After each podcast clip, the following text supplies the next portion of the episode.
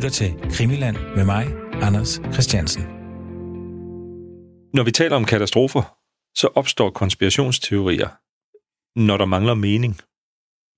Det, det skib sank bare forkert. Det sank for hurtigt. Og så må man jo finde en forklaring på det. Og ja, det føder så alternative forklaringer. Det føder kritik over for den officielle forklaring. Fordi mm. hvis den officielle forklaring på, øh, og hvordan historien gik ned, ikke kan være rigtig, så må der jo være en anden. Så må det vand jo være kommet ind i skroget på en anden måde. Så opstår der øh, teorier om kollisioner med øh, ubåde, med bombesprængninger og, øh, og hvad ved jeg. Og, og det er jo, som, som jeg altid gentager, når øh, vi taler om katastrofer og konspirationsteorier, der findes jo konspirationer. Der findes konspirationer derude. Jeg skal ikke kunne sige, om det er en konspiration, øh, der står bag øh, Estonias forlis. Men så længe man ikke kan give en meningsfuld, fornuftig forklaring, så er der et marked for alternativer. Det her er Rasmus Dalberg. Rasmus er historiker og forfatter, og så er han katastrofeforsker. Han underviser på Forsvarsakademiet, og så har han sagt ja til at være med i et dobbeltafsnit her i Krimiland, hvor vi fortsat kigger på Estonias forlis i 1994. Første afsnit vil hovedsageligt handle om katastrofeberedskaber, både før og under og efter katastrofen i Østersøen. Estonia, Estonia. Uh, mayday, mayday. Estonia, Silja Europa. Are you uh, flying, uh, calling Mayday? Estonia, what's going on? Can you reply? Uh, this is Estonia. Uh, en bil och passagerarfärja med 867 personer ombord har sjunkit söder om finska Utö. Den svensk-estniska färjan Estonia var på väg från Tallinn till Stockholm när den vid halv ett-tiden i natt slog runt i det hårda vädret. Det hela uppges ha gått mycket fort. På mindre än fem minuter kantrade och sjönk färjan. Jamen, jeg har egentlig to øh, forskellige øh, typer forudsætninger for at, at beskæftige mig med, øh, med Estonia og med redningsaktioner. Den ene er historisk, øh, historisk interesse for katastrofer øh, og for, for beredskab. Jeg har skrevet bøger om og, og holdt foredrag om og undersøgt flyulykker og skibsforlis og jernbanekatastrofer i, uh, især i det 20. århundrede øh, igennem mange år. Og så har jeg også en øh, mere praktisk erfaring øh, ved, at jeg i forbindelse med min forskning, min øh, uddannelse som inden for, for katastrofevidenskab, øh, har stiftet bekendtskab med øh, øh, redningsorganisationer, har studeret dem, øh, ikke mindst i Arktis, øh, hvor jeg har lavet observationsstudier på store øh, redningsøvelser, øh, både fra et, hvad skal man sige, sådan teoretisk øh, aspekt, har undersøgt, hvordan redningsorganisationer egentlig samarbejder i øh, uformelle netværk, men også i den spidse ende. Jeg har øh, Altså, jeg vil sige, at mens jeg lavede min, uh, min PhD, der undrede min, uh, min PhD-vejleder og min forskerkolleger sig nogle gange over, hvor, hvor Rasmus Dalberg egentlig var henne i verden, fordi jeg var sjældent med til institutmøderne. Så sendte jeg et, et billede fra et eller andet uh, skib eller en uh, indsatslederbil for hovedstadens beredskab, hvor jeg var med på vagt og sådan noget. Fordi det, det synes jeg var sjovere. Jeg har, uh, jeg har lavet uh, en hel del af, af min forskning og tænkt mine tanker på, uh, på nattevagter med, uh, redningsmandskab øh, ude i den, i den spidse ende med, mm. med politiet og med brandvæsenet. Det, øh, det har fascineret mig at få indblik i deres verden, både i forhold til deres ekstremt procedurstyrede praksis, øh, hvor det kan ikke nytte noget, at du først skal til at opfinde procedurerne, når du står derude, og det hele mm. buller og brager. Du skal have det på, på ryggraden, øh, fempunktsbefalinger og, og, og så videre. Øh, samtidig øh, deres evne til erfaringsbaseret at kunne improvisere øh, i øh, kritiske situationer under tidspres. Så, mm. så det er sådan de to erfaringer, jeg kommer med. Jeg har faktisk hængt under en, en redningshelikopter og prøvet at blive, øh, højsted op fra, fra en redningsflåde. I kold, meget, meget koldt vand op i Island. Så. Man kunne godt forestille sig, at, der, at det var sjældent, at to redningsaktioner ligner hinanden. Mm. Øh, og man selvfølgelig har det, du også siger, man har en, en plan øh, og en procedure, og så skal man kunne improvisere. Ja, er der, ja, er der, præcis. Er der, ikke? Og, altså, men, men, og det er jo lidt ligesom, øh, jeg arbejder inden for, for forsvarsområdet i dag, og der, der siger man jo med, med uh, uh, henvisning til Dwight Eisenhower, at uh, det handler aldrig om planerne, men om planlægningen. Ikke? Altså, det er det, at vi har lavet planerne, der gør, at vi kan fravige dem, når det er nødvendigt. Men alligevel, selvom, ja, du siger, der er ikke to redningsaktioner, der ligner hinanden, men det er der alligevel.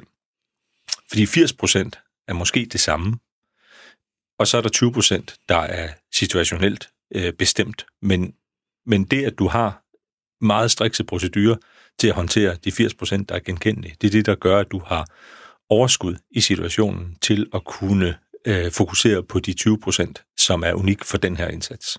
Og hvis vi vender blikket mod øh, MS Estonia, mm. og, altså september 1994. Vi har i nogle tidligere udsendelser været lidt inde på, hvad der egentlig skete den nat, men jeg kunne egentlig godt tænke mig at få dine øjne på, mm. hvordan mm. du vil sådan beskrive øh, redningsaktionen. Vi kan, jo, vi kan jo prøve at gå den igennem, ja, og så snakke om de forskellige led. Øh, og, og igen her, som vi lige talte om nu, så er der jo noget, der er ens.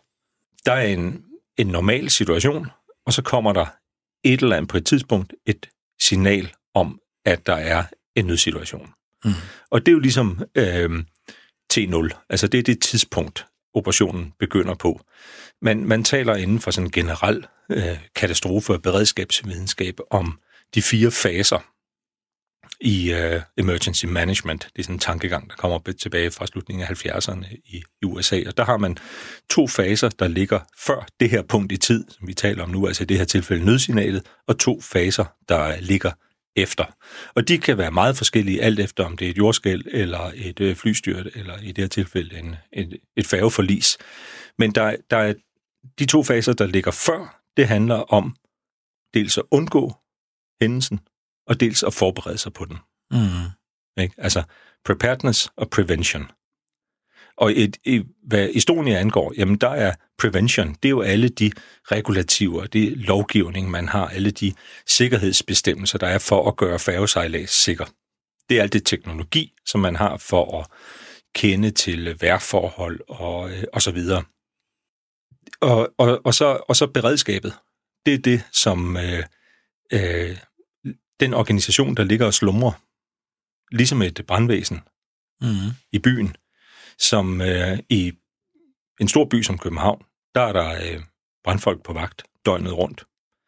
Øh, kommer vi længere ud på landet, så er der øh, deltidsbrandfolk, som kan tilkaldes inden for få minutter, som er på vagt, men er der hjemme og har en biber med. Den slags. Så laver man et, man kalder risiko, risiko øh, dimensioneret beredskab, hvor man ser på, hvad er, hvad er risici her i området, hvor, øh, hvad er det for et, et, øh, slumrende beredskab, vi skal have, for det er jo dyrt. Det er jo dyrt at have, og det er jo altid det, der er, hvad skal man sige, beredskabstænkningens store paradoks, at, at vi skal bruge penge på noget, vi helst ikke skal bruge. Mm. Og derfor er beredskab svært at håndtere også politisk og den slags. Ikke? Fordi altså, dybest set, så skal der næsten helst ske noget en gang imellem, for at vi får noget for pengene. Ikke? Og ja. det er der jo ikke nogen af os, der ønsker. Nej. Så det er, det er, det er altid farligt, jo længere tid der er gået siden, der er sket en stor hændelse inden for et, et bestemt område, fordi så falder man ligesom ind i en, øh, en øh, så luller man sig selv ind i en tro på, at vi er sikrere, end vi er, måske. Mm. Men, øh, men så har man den her organisation, som helst skal være så, skal man sige, så billig som muligt, når den ikke bliver brugt, men den skal være så effektiv som muligt i det øjeblik, vi har brug for den. I det her tilfælde, når vi taler øh, sejladssikkerhed, maritim sikkerhed på Østersøen, så er beredskabet jo bestående af nogle kontrolcentre i de forskellige lande, der grænser op til øh, Østersøen, og så nogle redningsenheder. Simpelthen nogle, altså den spidse ende af organisationen, som man kalder det, ikke? Altså de mænd og kvinder, som skal derud. Mm. Enten med helikopter, med fastvingefly eller med skibe. Så, så, øh, så det er normalsituationen. Det kan man så skalere lidt op og ned efter øh, tid på året, efter øh, hvor øh, øh, dårligt vejr der er. Så kan det være, at man, øh, hvis man har øh, øh, særlige øh, vejrforhold, så øh, sætter man en helikopter mere i beredskab, for eksempel. Så, så justerer man lidt ud fra øh, erfaringerne i sådan en redningsorganisation. Så da, da nødsignalet kommer fra Estonia, så svarer det til, at øh, stopbudet bliver sat i gang. Det er T0. Ja. Så tæller tiden. Og så kan vi jo egentlig øh, følge, hvad der sker. Og der, og der er det, man også kan sige omkring sådan en redningsorganisation, en beredskabsorganisation, det er, den er der altid for en grund. Altså den er produktet i en, i en bestemt tid er beredskabsorganisationen produktet af, af de tragedier, der er gået forud. Altså, der har været lige på bordet. Typisk inden for søredning, så er, øh, og nu går vi sådan lige indledningsvis langt tilbage i historien, så er, så er redningsorganisationerne startet lokalt. I, ligesom i Danmark på den jyske øh, vestkyst i midten af 1800-tallet, på grund af strandinger. Der var flere og flere skibe, der strandede på kysten op igennem øh, første halvdel af 1800-tallet. Øh, der var kystfiskere, som øh, gik ned i, øh, i brændingen, når de skulle ud. Så går man sammen lokalt og laver øh, redningskorps. Så går øh, 20 fiskere sammen, skillinger sammen til en øh, kraftig båd, og så skiftes de til at bemande den båd, så de kan sejle ud og hjælpe hinanden. Mm. I Danmark kommer det på øh, finansloven allerede i, øh, i, øh, i 1852. Det er lidt specielt i, i Danmark, det er fordi det lige falder sammen med, at man laver redningsvæsenet samtidig med, øh, med at man indfører folkestyret, så kommer man på, øh, på finansloven, og vi får et, et offentligt finansieret redningsvæsen, kystredningsvæsen. I øh, Sverige, i Norge og i Finland, der fortsætter de her søredningsselskaber op til, øh, til vores tid som øh, velgørende selskaber, altså egentlig mere som Røde Kors, som så indsamler øh, midler til at drive redningsbåde øh, med frivillige, som ligger langs kysten. Det er sådan den kystnære øh, redning. Mm. Så kommer der op i det 20. århundrede øh, de statslige redningsorganisationer, som typisk kommer, opstår, også igen med eksemplet fra Danmark, som en form for øh, statsstøtte til øh, de maritime erhverv. Altså at man øh, fra omkring øh, år 1900 øh, fra Fiskeriministeriets side placerer redningsdampere i de større havne, de havne, der begynder at opstå på den jyske vestkyst, øh, hvor man gradvist flytter kystfiskeriet ind til at udgå fra havnene, så placerer man nogle store dampskibe, som, som bliver til både øh, en form for vagtskibe for de her øh, fiskerkutter, der sejler ud, men også øh, redningsfartøjer øh, for dem. Så får man sådan et statsligt øh, redningsvæsen. Mm-hmm. Og så er der selvfølgelig flåden. I nogle lande opstår der øh, øh, kystvagtorganisationer adskilt fra, øh, fra flåden. I Danmark har vi aldrig haft en civil kystvagt. Der har det været en kombination af marinehjemmeværn fra 1950'erne og frem øh, med frivillige og øh, søværnets enheder, som har fungeret også som øh, redningsfartøjer, hvor man i øh, Sverige har en civil kystvagt. I øh, Finland, som vi skal vende tilbage til, har man et, øh, et grænseværn, en øh, sådan border guard, som også har en kystvagt, som er dels et grænsepoliti, der, øh, der beskytter Finlands grænser, men også har øh, søredningsforpligtelser. Øh, så, så, så der opstår op igennem det 20. århundrede forskellige typer statslige organisationer, som har øh, ansvaret for øh, redning på, øh, på havet. Så kommer der op igennem 50'erne og 60'erne øh, internationale nye regler for, hvordan man skal organisere det her redningsarbejde. Og det kan man også sådan følge gradvist op igennem årtierne. Og dybest set, og nu er vi tilbage til, øh, til Estonia, mm-hmm. så handler det om først og fremmest, hvad organiseringen øh, angår, at vide, hvem har ansvaret. Det kan ikke nytte noget, når der sker noget ude på havet, at man først skal til at afklare, hvem skal gøre noget ved det her. Mm. Så man deler simpelthen verdenshavene op i redningsregioner, det man kalder SRR, Search and Rescue Regions. Og hver af de her regioner har et, det er noget, der sker i, øh, i øh, 50'erne, øh, og hver af de her regioner skal have et MRCC, som er et Maritime Rescue Coordination Center. Øh, og så har man øh, i virkeligheden øh, parallelt med den udvikling det samme for luftredning, altså for, for fly, der styrter, hvor man har øh, fire områder, som også er sådan nogle områder, hvor stater har ansvaret indenfor, og så skal man så have øh, de her øh, Aeronautical Rescue Coordination Centers. Og så simpelthen en, en statslig myndighed, som har ansvaret for at koordinere redningsaktioner mm. inden for den her SRR. Ja. Fordi så kan man når man får et nødsignal og en position, kig på et kort, og så kan man med det samme entydigt se, hvem har ansvaret for det.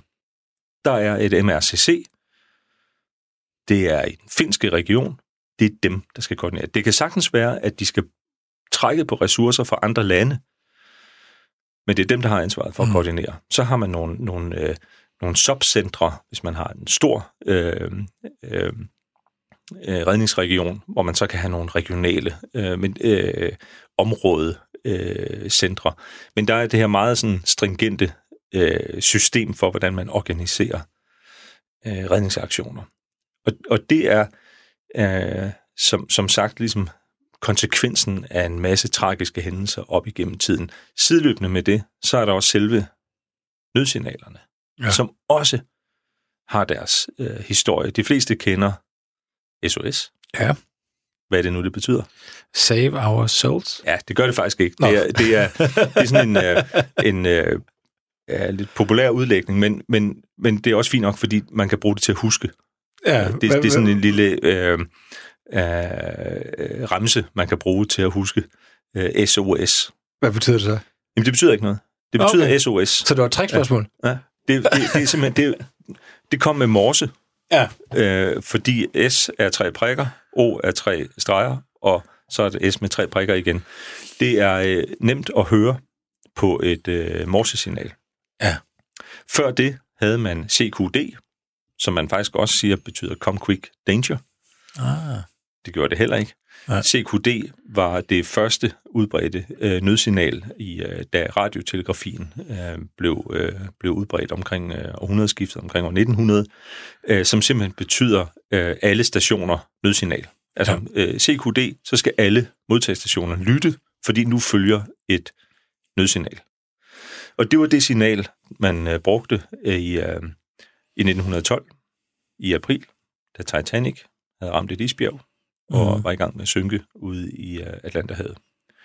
Uh, der sendte man øh, CQD, og SOS var helt nyt, og blev faktisk også uh, anvendt, men, men CQD var, var det gængse nødsignal på det tidspunkt. Og, og når der så går det her nødsignal ud, alle stationer, lyt, nu følger en vigtig besked, så, så betyder alle stationer, at skibe i området skal lytte. Fordi dengang, og i dag også for så vidt, medmindre man anvender satellitnavigation, så kan du ikke nødvendigvis uh, række land uh, på radioen, når du ligger ude midt på uh, Atlanterhavet. Så bruger man andre skibe som relæstationer. Mm. Så når CQD uh, bliver uh, telegraferet ud, så lytter skibe, og så sender de den her besked videre. Og det, og det er jo faktisk den første tragedie, sådan en katastrofehistorie, den store tragedie, øh, hvad nødsignalerne angår, fordi Titanics nødsignal bliver opfanget af skibe i området. Der er, er øh, Carpathia, som er det skib, der går til undsætning. Desværre først, da Titanic er gået ned, ankommer nogle timer senere og samler en del overlevende op. Men der lå jo faktisk et skib meget tættere på, som i teorien kunne have reddet alle fra Titanic, nemlig SS Californian. Men de havde slukket for deres radio. De lå stille for natten, fordi de sejlede i isfyldt farvand. Titanic lå ikke stille, sejlede ja. isfyldt farvand, mm. og, øh, og lyttede ikke på radioen. Og derfor, man kan sige, det er sådan et af de store what-ifs i, øh, i katastrofehistorien. Hvad nu, hvis Californians telegrafist havde hørt signalet fra, øh, fra Titanic? Mm. Kunne tragedien så have været undgået? Så i årene efter Titanic, der, øh, der ser man internationalt på de her regler. Man indgår i øh, 1914, bare to år senere, den første SOLAS-konvention, øh, som er den første store internationale traktat eller aftale om, øh, om redning til søs. Og en af, de, øh, en af konsekvenserne af SOLAS-aftalen, det er, at kyststater skal etablere kystradiostationer, det vil sige radioer, som øh, skal lytte på øh, radioen for øh, nødsignaler døgnet rundt. Det er mm. det, der gør, at vi i Danmark får Lyngby Radio, mm. som findes stadigvæk. Ja. Øh, I dag er Lyngby Radio en, et enkelt skrivebord med computeranlæg over i en bunker i Karup. Øh, men øh, op igennem det 20. århundrede, der søfarten var, øh, var øh, meget væsentlig for, øh, for, for Danmark som kyststat, og også den, den kystnære øh, søfart. Der havde man øh, Rønne Radio, man havde Skagen Radio, Blåvand Radio og Lyngby Radio, som var de her kystradiostationer, mm. som, som øh, dels stod for at levere øh, radiotrafik til skibsfarten, men også lyttede efter nødsignaler. Ja. Og, øh, og, og, og et eksempel på, hvordan sådan noget kan øh, gå godt, øh, er det andet færgeforlis, øh, som øh, fandt sted øh, den 7. september 1966, hvor færgen øh, Skagerak, en helt ny øh, bilfærge, bil- og passagerfærge, øh, som øh, sejlede mellem Hirtals og Christiansand, var på vej i øh, kraftig stormvejr fra Norge til, mm. øh, til Danmark, til Hirtals. Og øh, i virkeligheden bliver udsat for en situation, der ligner Estonia lidt. Det er godt nok agterporten og ikke borgporten, der, mm. er, der slås skæv og rives af. Øh, formentlig en, en agterport, som ikke er klampet, altså låst øh, tilstrækkeligt. Man har til synligheden ikke lukket alle klamperne, men agterporten bliver altså slået åben, og der løber vand ind på bildækket, og øh, øh, fartøjet får slagside og begynder at gå ned. Mm. Og der går nødsignal ud. På det her tidspunkt, der er man jo øh, gået fra radiotelegrafi, altså morse, over til radiotelefoni, altså man kan, det, det talte, øh, de talte ord over radioen. Nødsignalet bliver øh, opfanget af Dansk øh, Kystradiotjeneste, og en redningsaktion bliver øh, iværksat. Øh, bare øh, året før har øh, det danske øh, øh flyvåben modtaget de øh, nye danske redningshelikopter, Sikorsky-helikopterne. Det var sådan et begreb, da, da jeg var barn. Kan jeg huske, nu kommer Sikorsky ind. Ja. De her øh, S-61-helikoptere. Øh, øh, som, øh, som var en, en, en øh, voldsom forbedring af helikopterredningskapaciteten i Danmark. Vi havde nogen, der hed S-55'ere tidligere, øh, en, en, en tidlig generation af redningshelikopter, som havde meget kort rækkevidde. Så, så der var man simpelthen dengang i, uh, i 50'erne, første halvdel af 60'erne, der var man nødt til at flyve et fastvingefly ud først for at finde de nødstede. Og først når man var helt sikker på, hvor de var, så kunne, så kunne man sende helikopteren ud, fordi den havde så kort rækkevidde, at den kunne hover, altså hænge stille i luften meget kort tid. Mm. Så det var sådan noget med, at så fløj de fra, øh, fra basen ud, og så havde man depoter af brændstof øh, opstillet langs de danske kyster. Så kunne de lande på, øh, på en, en græsplæne et eller andet sted øh, ved den jyske vestkyst og tanke helt op, inden de så fløj ud mm. og vidste præcis, hvor de nødstede var, og kunne højste dem op, mm. og så ind igen. Der får man med, med Sikorskierne en meget længere rækkevidde og en, en større kapacitet, og det er en, en, en voldsom forøgelse. Og det er så med til at, øh, at skabe en succes øh, ved, ved Skageraks forlis her i, øh, i september 66. Der er 144 øh, ombord, 97 øh, passagerer. Heldigvis ikke særlig mange, den øh, har kapacitet til langt flere. Men det lykkes faktisk at redde alle. Der mm. er en passager, der dør, men øh, det er en blodprop, øh, umiddelbart efter at være blevet reddet. Okay. Øh, kaptajnen øh, Anstein Dravsnes, som den sidste, bliver reddet fra, øh, øh, fra sit øh, synkende skib, som en kaptajn jo, jo bør. Ja. Øhm, og, øh, og øh, kollapser af udmattelse på dørken i helikopteren, da han er blevet højstet op. Mm. Og det er sådan et eksempel på, hvordan man i virkeligheden effektivt koordinerer en redningsindsats. Som helikopter, der er også nogle norske helikopter, øh, og, øh, og skibe i området. Man så skal have til at, ligesom at konvergere mod den her havarist, og få folk øh, fra, øh, fra borer og i redningsflåder, redningsbåde, og så højstet op. Så det var en succes, ja. der viser, fordi det er dybest set, nu taler vi indledningsvis om det her med, at, vi starter stopuret ved T0, ja. nødsignalet går. Fordi det er jo bare, altså tid er bare den mest afgørende faktor i, uh, i den her slags uh, aktioner, fordi uh, kulden, vinden, vandet arbejder mm. imod os. Mm. Så det kan ikke nytte noget, at vi først skal have folk til at møde på arbejde mandag morgen kl. 8, og så kigger vi på det. Altså, det er jo, det er jo vilkårene for, ja. øh, for den her slags øh, indsatser. Derfor er det selvfølgelig også øh, fuldstændig afgørende, at et nødsignal bliver afgivet på den korrekte måde. Mm. Fordi det handler om at undgå misforståelser. Det handler om at være præcis klar i meldingen, up front. Fordi når, når jeg arbejder sådan forskningsmæssigt med, med den her slags emner, så bruger vi blandt andet noget, man kalder meningsdannelsesteori, som handler om, hvordan forskellige aktører skaber forskellige virkeligheder, forske- mening på forskellige måder i uh, situationer, mens de er under pres.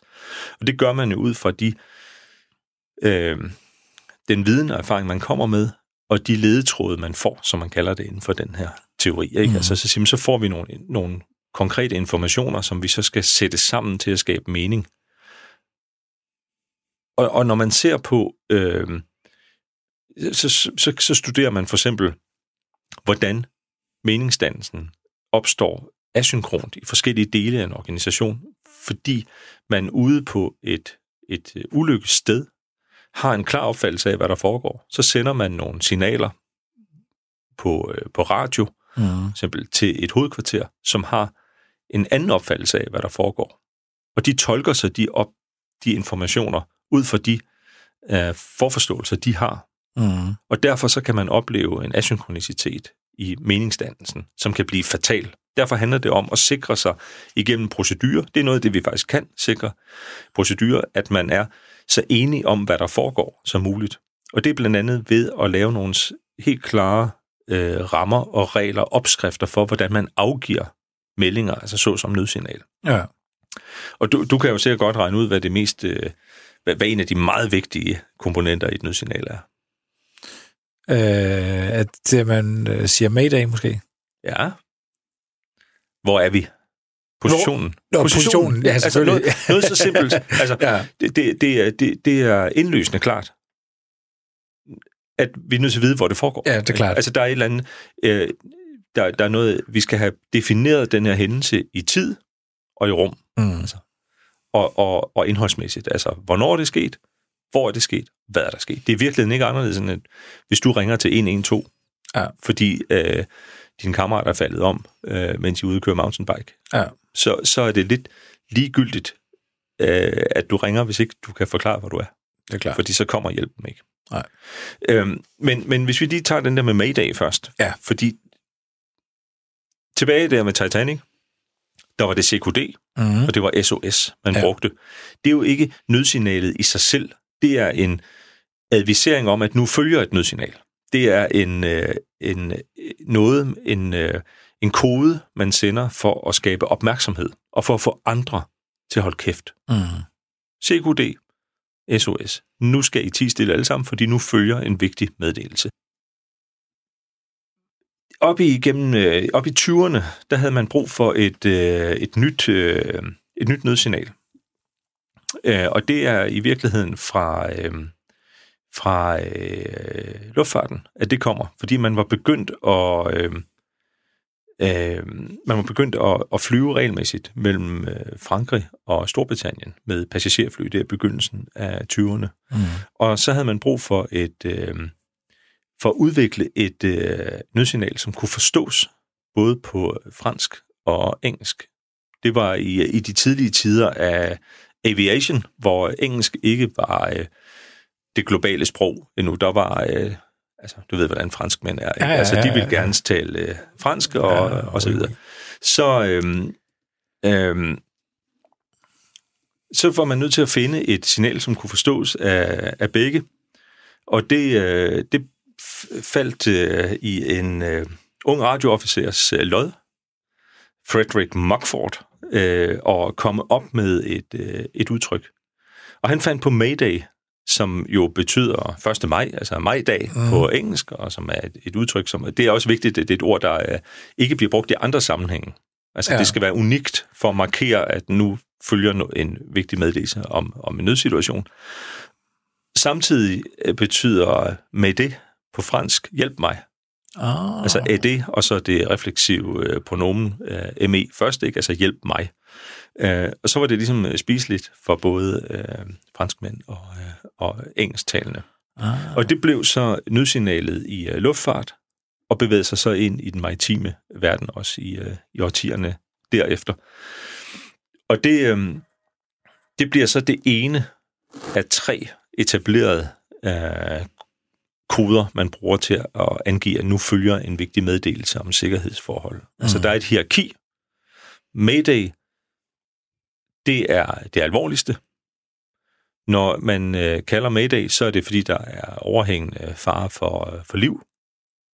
Så er der en øh, mellemkategori, der hedder Pan-Pan, som øh, er en øh, meddelelse, man bruger, hvis der ikke er akut fare. Det er for eksempel, hvis øh, dit skib har fået tovværk i skruen. Mm. Hvis der har været en brand ombord, men den er slukket, ja. så giver du en pan-pan meddelelse. Så siger du pan-pan først på radioen, og så følger den her position og hændelse, og øh, har du brug for øh, nogen til at komme og buksere dig, eller, eller sådan noget. Og så den, øh, den, den, den, den tredje kode, man kan bruge til den her slags signaler, det er security, som anvendes til at give meldinger om for eksempel vejrforhold. Altså der er vi, der er vi nede i, uh, hvis der er et stormvejr på vej i uh, den her del af vores uh, region, som uh, den her radiotjeneste dækker, så kan man give en security-meddelelse først. Okay. Så det er ligesom, det, det er hierarkiet. Ja. Så derfor ved man, at når der bliver meldt Mayday ud, så følger et, en vigtig, meget vigtig øh, besked om en nødsituation. Og det gør man på VHF-frekvens 16, mm. som er, er den øh, internationale øh, aftalte nødfrekvens, som man lytter på, når man sejler skib. Så lytter man på, øh, på øh, kanal 16, og så øh, hvis det her signal kommer, så lytter man. Mm. Og videregiver eventuelt. Og det er jo også det, der sker, da, øh, da Estonia giver øh, det første ja. det første nødsignal. Skal vi, skal vi høre? Jeg synes, vi skal høre lidt. Der findes det er en optagelse, der blev lavet, jeg tror, det var ombord på færgen Mariella, hvor man det allerførste del er ikke med, fordi man starter først båndoptagelsen, øh, da man hører det første nødsignal. Så de første, øh, de første sekunder er ikke med. Vi kan godt prøve at høre lidt af det. Europa Estonia. Chile, Europa Estonia. Estonia, this is Sicilia, Europe, replying on June 16th. Sicilia, Europe.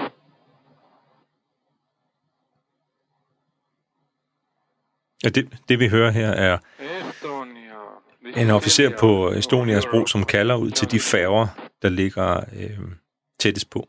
Mm. Og, og det vi også hører. Prøv, prøv at fortælle mig, hvad du hører. Hvordan oplever du det her nødsignal? Jamen, jeg... Altså, han, det, det lyder, han lyder ikke desperat. Nej. Altså, vi må jo lige komme en disclaimer og sige, det er jo nemt at sidde her i studiet ja. i dag og være, og være bagklog. Men man får ikke umiddelbart indtryk af, at det her det er en akut situation. Mm.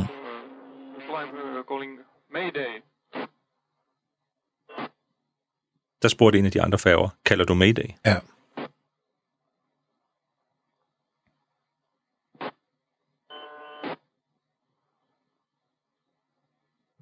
Det går der lang tid.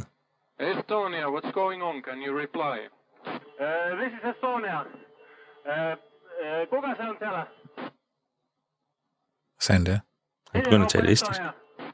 Yes, Estonia, this is Silja Europe. Hyvää huomenta, puhutko sä suomea? Joo, puhun suomea. Joo, meillä on nyt tässä ongelma. On paha kallistuma oikealle puolelle. Uskon, että oli pari 30 astetta. Voisitko sä tulla apun ja pyytää myös Viking Linein apun? Joo, Viking Line on tässä perässä ja meni varmaan tietoa. Voitko antaa sun positio? Nu begynder vi at få en oplevelse af, at i hvert fald ud fra hans tonefald, at den er gal. Mm. Okei, okay, selvä. Ryhdytään toimimaan. Men hvad tænker du, hvad, hvad er problemet, når de begynder at tale på lokalsprog her? ja, det er jo, jeg ikke forstår det. Ja. Der er jo en grund til, at nu signal afgivet på engelsk. Mm.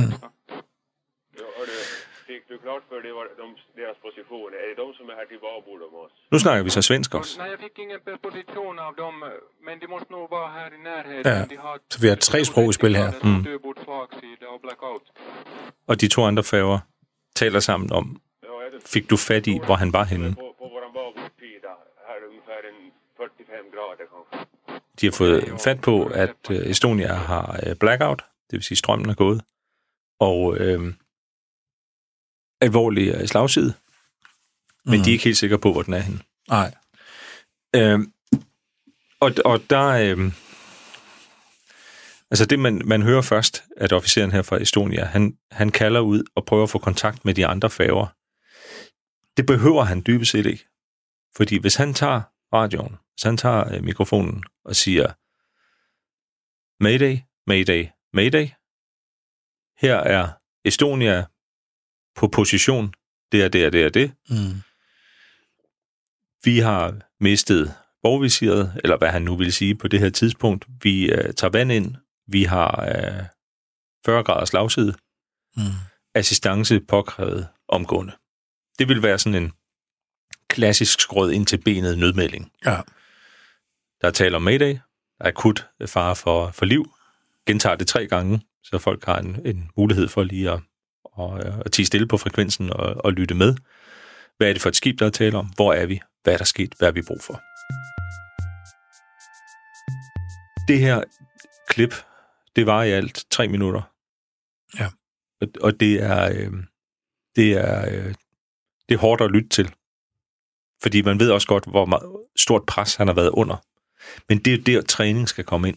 Det er jo der, procedurerne, det man har øvet igen og igen som professionel øh, officer, skal komme øh, en til gode, at man ved præcis, hvordan man afgiver et nødsignal, for at undgå den forvirring, der opstår. De har selvfølgelig også det problem, at de faktisk ikke ved, hvor de er. Ja. Fordi der er blackout. Ja. Det er jo en, en anden, et andet interessant aspekt, at vi har nogle gange tendens til at øh, øh, feste lidt for meget tillid til øh, elektronikken.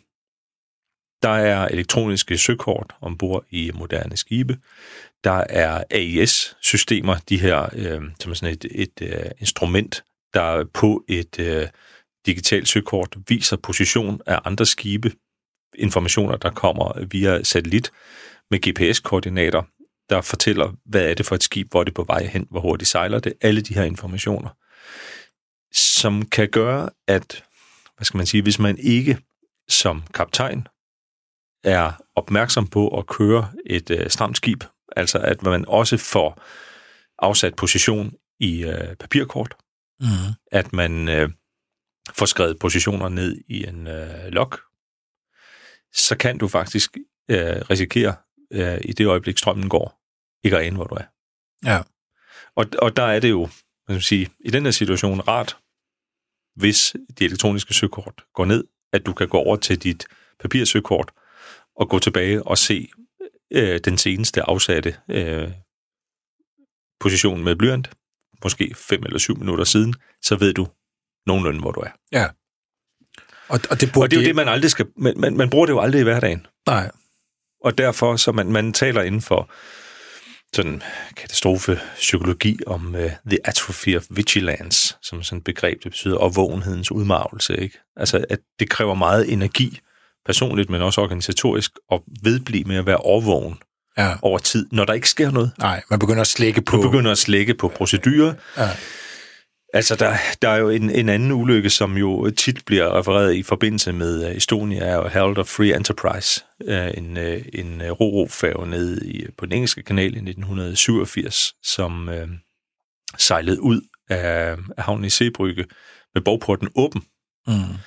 Det er sådan en, øh, den her færge er konstrueret ligesom øh, de gamle storbæltsfærger, bilfærgerne på Storbælt, som havde ikke noget bogvisir, ligesom Estonia, altså sådan en skibsstævn, der klapper op, mm. øh, men bare øh, nogle døre, der åbner ind i skrovet. Så man kan ikke se op fra øh, kommandobroen, om øh, bogporten er åben eller lukket. Nej.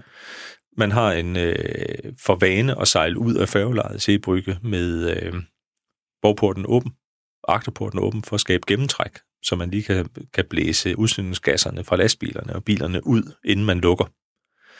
Øhm, så er der en procedure for, at der er en, et besætningsmedlem, som manuelt nede på bildækket skal lukke bogporten med et betjeningspanel, der sidder nede på bildækket, og så skal han ifølge proceduren som er nedskrevet, skal han så kalde på radioen op til øh, vagthavende officer på broen og sige, at borgporten er lukket.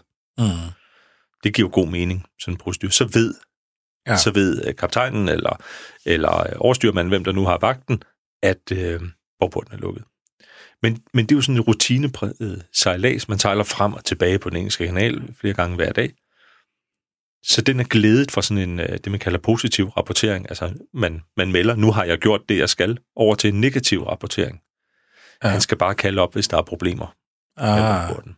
Og lige præcis den her dag, der sover det pågældende besætningsmedlem sin kahyt, og får ikke lukket bagporten, og der er ikke nogen, der bemærker det, fordi man har så meget rutine, man er vant til, det kører bare derudad. ja. Øh, Så, øh, så man sejler simpelthen ud af færgehavnen med bagporten åben. Men skibet er faktisk konstrueret sådan, at bagbølgen kan ikke slå ind på bildækket. Mm. Det, det er jo sådan sikkert, det med sådan en buffer, ikke, man har lagt ind. Ikke? Ligegyldigt, hvor hurtigt du sejler det her, den her færge, så kan bagbølgen faktisk ikke nå at slå ind på bildækket gennem en åben bagbord. Det er jo smart. Men så har der så været en, en fejl på en hydraulikpumpe til en rampe inde i Seebrygge, så man kunne ikke hæve den her rampe tilstrækkeligt. Så derfor har man taget ballast ombord i færgen og lagt den en meter dybere i vandet. Lige præcis den her dag. Ja.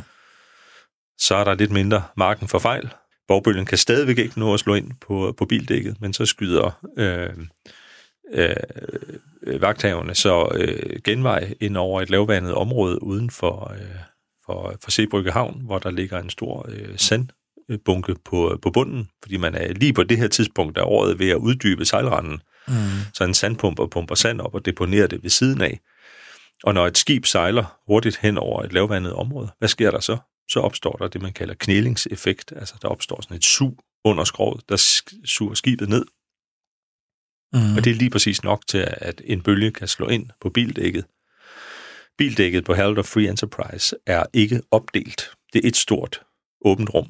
Mm. Hvad sker der, når en bølge vand slår ind på et åbent bildæk? Ligger det så pænt i et jævnt lag? Ja. Nej, det løber over i siden. Jeg har haft nul rigtigt indtil det. Det er jo ikke en test, det her, og det er det lidt alligevel. Nej.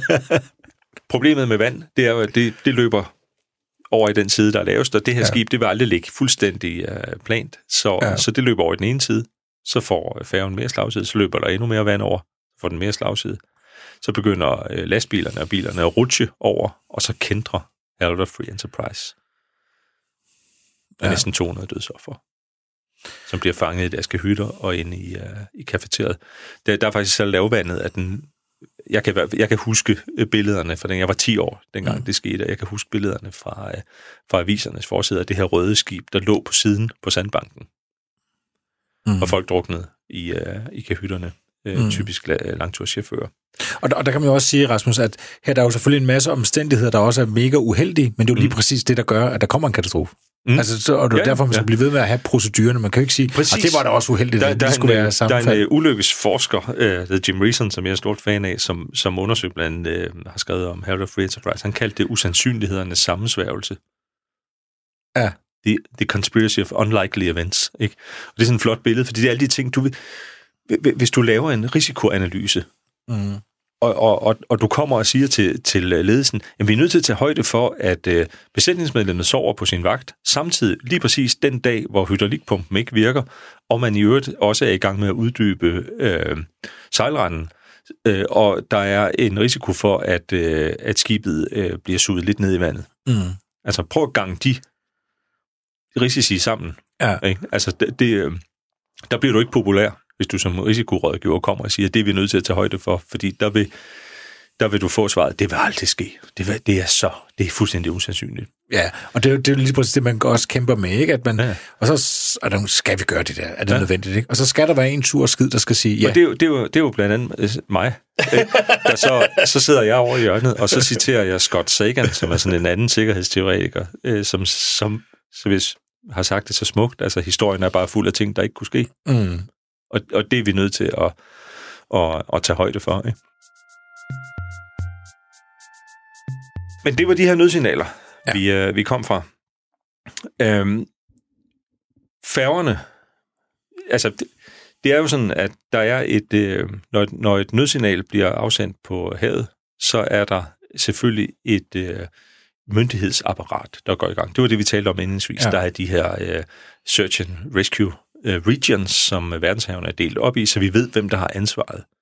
Men der er også en forpligtelse for søfarten til at gå til assistance. Mm. Det vil sige, det, det, øh, det står faktisk i, øh, i øh, de internationale regler, at øh, et skib, som hører et nødsignal, skal gå til undsætning. Okay. Og det er jo det, som vi, vi hører færgerne her, der ligger omkring det. Man kan sige, det er jo en udgangspunktet er, selvom det er en skidt situation, så er det jo heldigt, at Estonia ikke er helt alene. Mm. Der ligger faktisk uh, Silja Europa og Mariella, som ligger uh, 10-15 kilometer fra, uh, fra Estonia. Mm. Uh, så, så, så, og, og, øhm, og da det her nødsignal, det er også det, vi hører på optagelsen, bliver hørt ombord på Mariella. Der er kaptajnen, han, øh, han er i sin, øh, i sin øh, kahyt øh, og har øh, anstyrmanden på broen, og han er lige vågnet, øh, mm. fordi han kunne mærke, at øh, skibet øh, banker mod de her store bølger. De andre færger har jo nedsat øh, farten. Ja. Det er kun Estonia, der sejler med fuld fart, fordi man kom lidt sent afsted fra, fra Tallinn og forsøger at indhente det, det tabte. Så han er faktisk på, øh, på radioen, øh, den interne øh, telefon med, øh, med vagthavnen op på broen. Da han hører nødsignalet, så kommer kaptajnen jo øh, kaptajn Tornrose på Mariella hurtigt på benene og kommer op på broen, fordi han ved godt, at når sådan et signal bliver modtaget, mm. så er det de omkringliggende skibe, som først og fremmest skal gå til, øh, til undsætning. Og det der samtidig så bliver signalet sendt videre ind øh, til land, og, og hvem er det, der er den ansvarlige kystradiotjeneste i området her? Det er Helsinki Radio. Altså mm. ligesom vi havde Lyngby Radio i Danmark, så har ja. man Helsinki Radio, man har Mariehamn Radio ude på, på Åland øh, i, i området. Og det er så deres ansvar at få aktiveret den her øh, myndighedsrespons. Øh, ikke? Altså få øh, sørget for, at det ansvarlige MRCC, det her maritime redningscentral, at de er øh, har modtaget signalet, mm. og at man sætter det store apparat i gang. Der sker en, øh, der sker en af de øh, fejl. Altså det, det er altid interessant at se på i bagklogskabens klare lys. Hvad, mm. hvad gik galt under ja. sådan en, øh, en aktion her. Vi har allerede været omkring den første, den stakkels øh, officer på Estonias bro, øh, får givet et, et uklart, upræcist nødsignal, som ikke følger øh, forskrifterne, ja. hvilket afstedkommer en vis forvirring fra øh, de omkringliggende skibe. Men, men det her Mayday, han giver dog et Mayday-signal, mm. som han skal.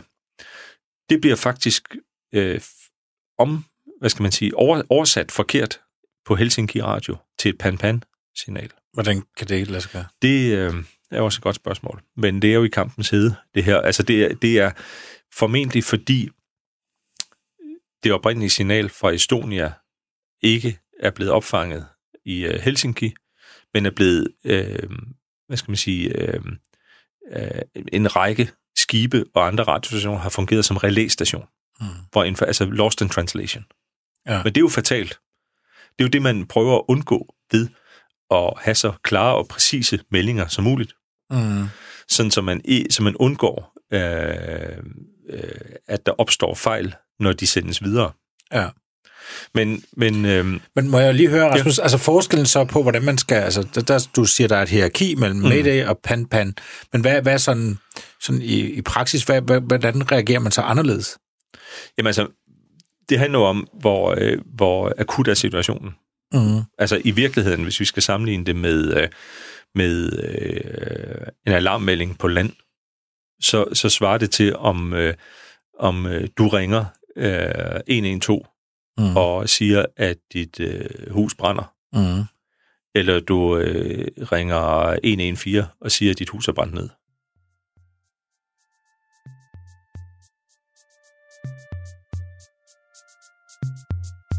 Estonia, what's going on? Can you reply? Uh, this is Estonia. Uh, uh, kuka se on siellä?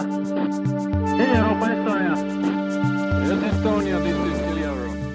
Det her, det var første del af et dobbeltafsnit med katastrofeforsker Rasmus Dalberg. Rasmus og jeg, vi er tilbage igen i næste uge.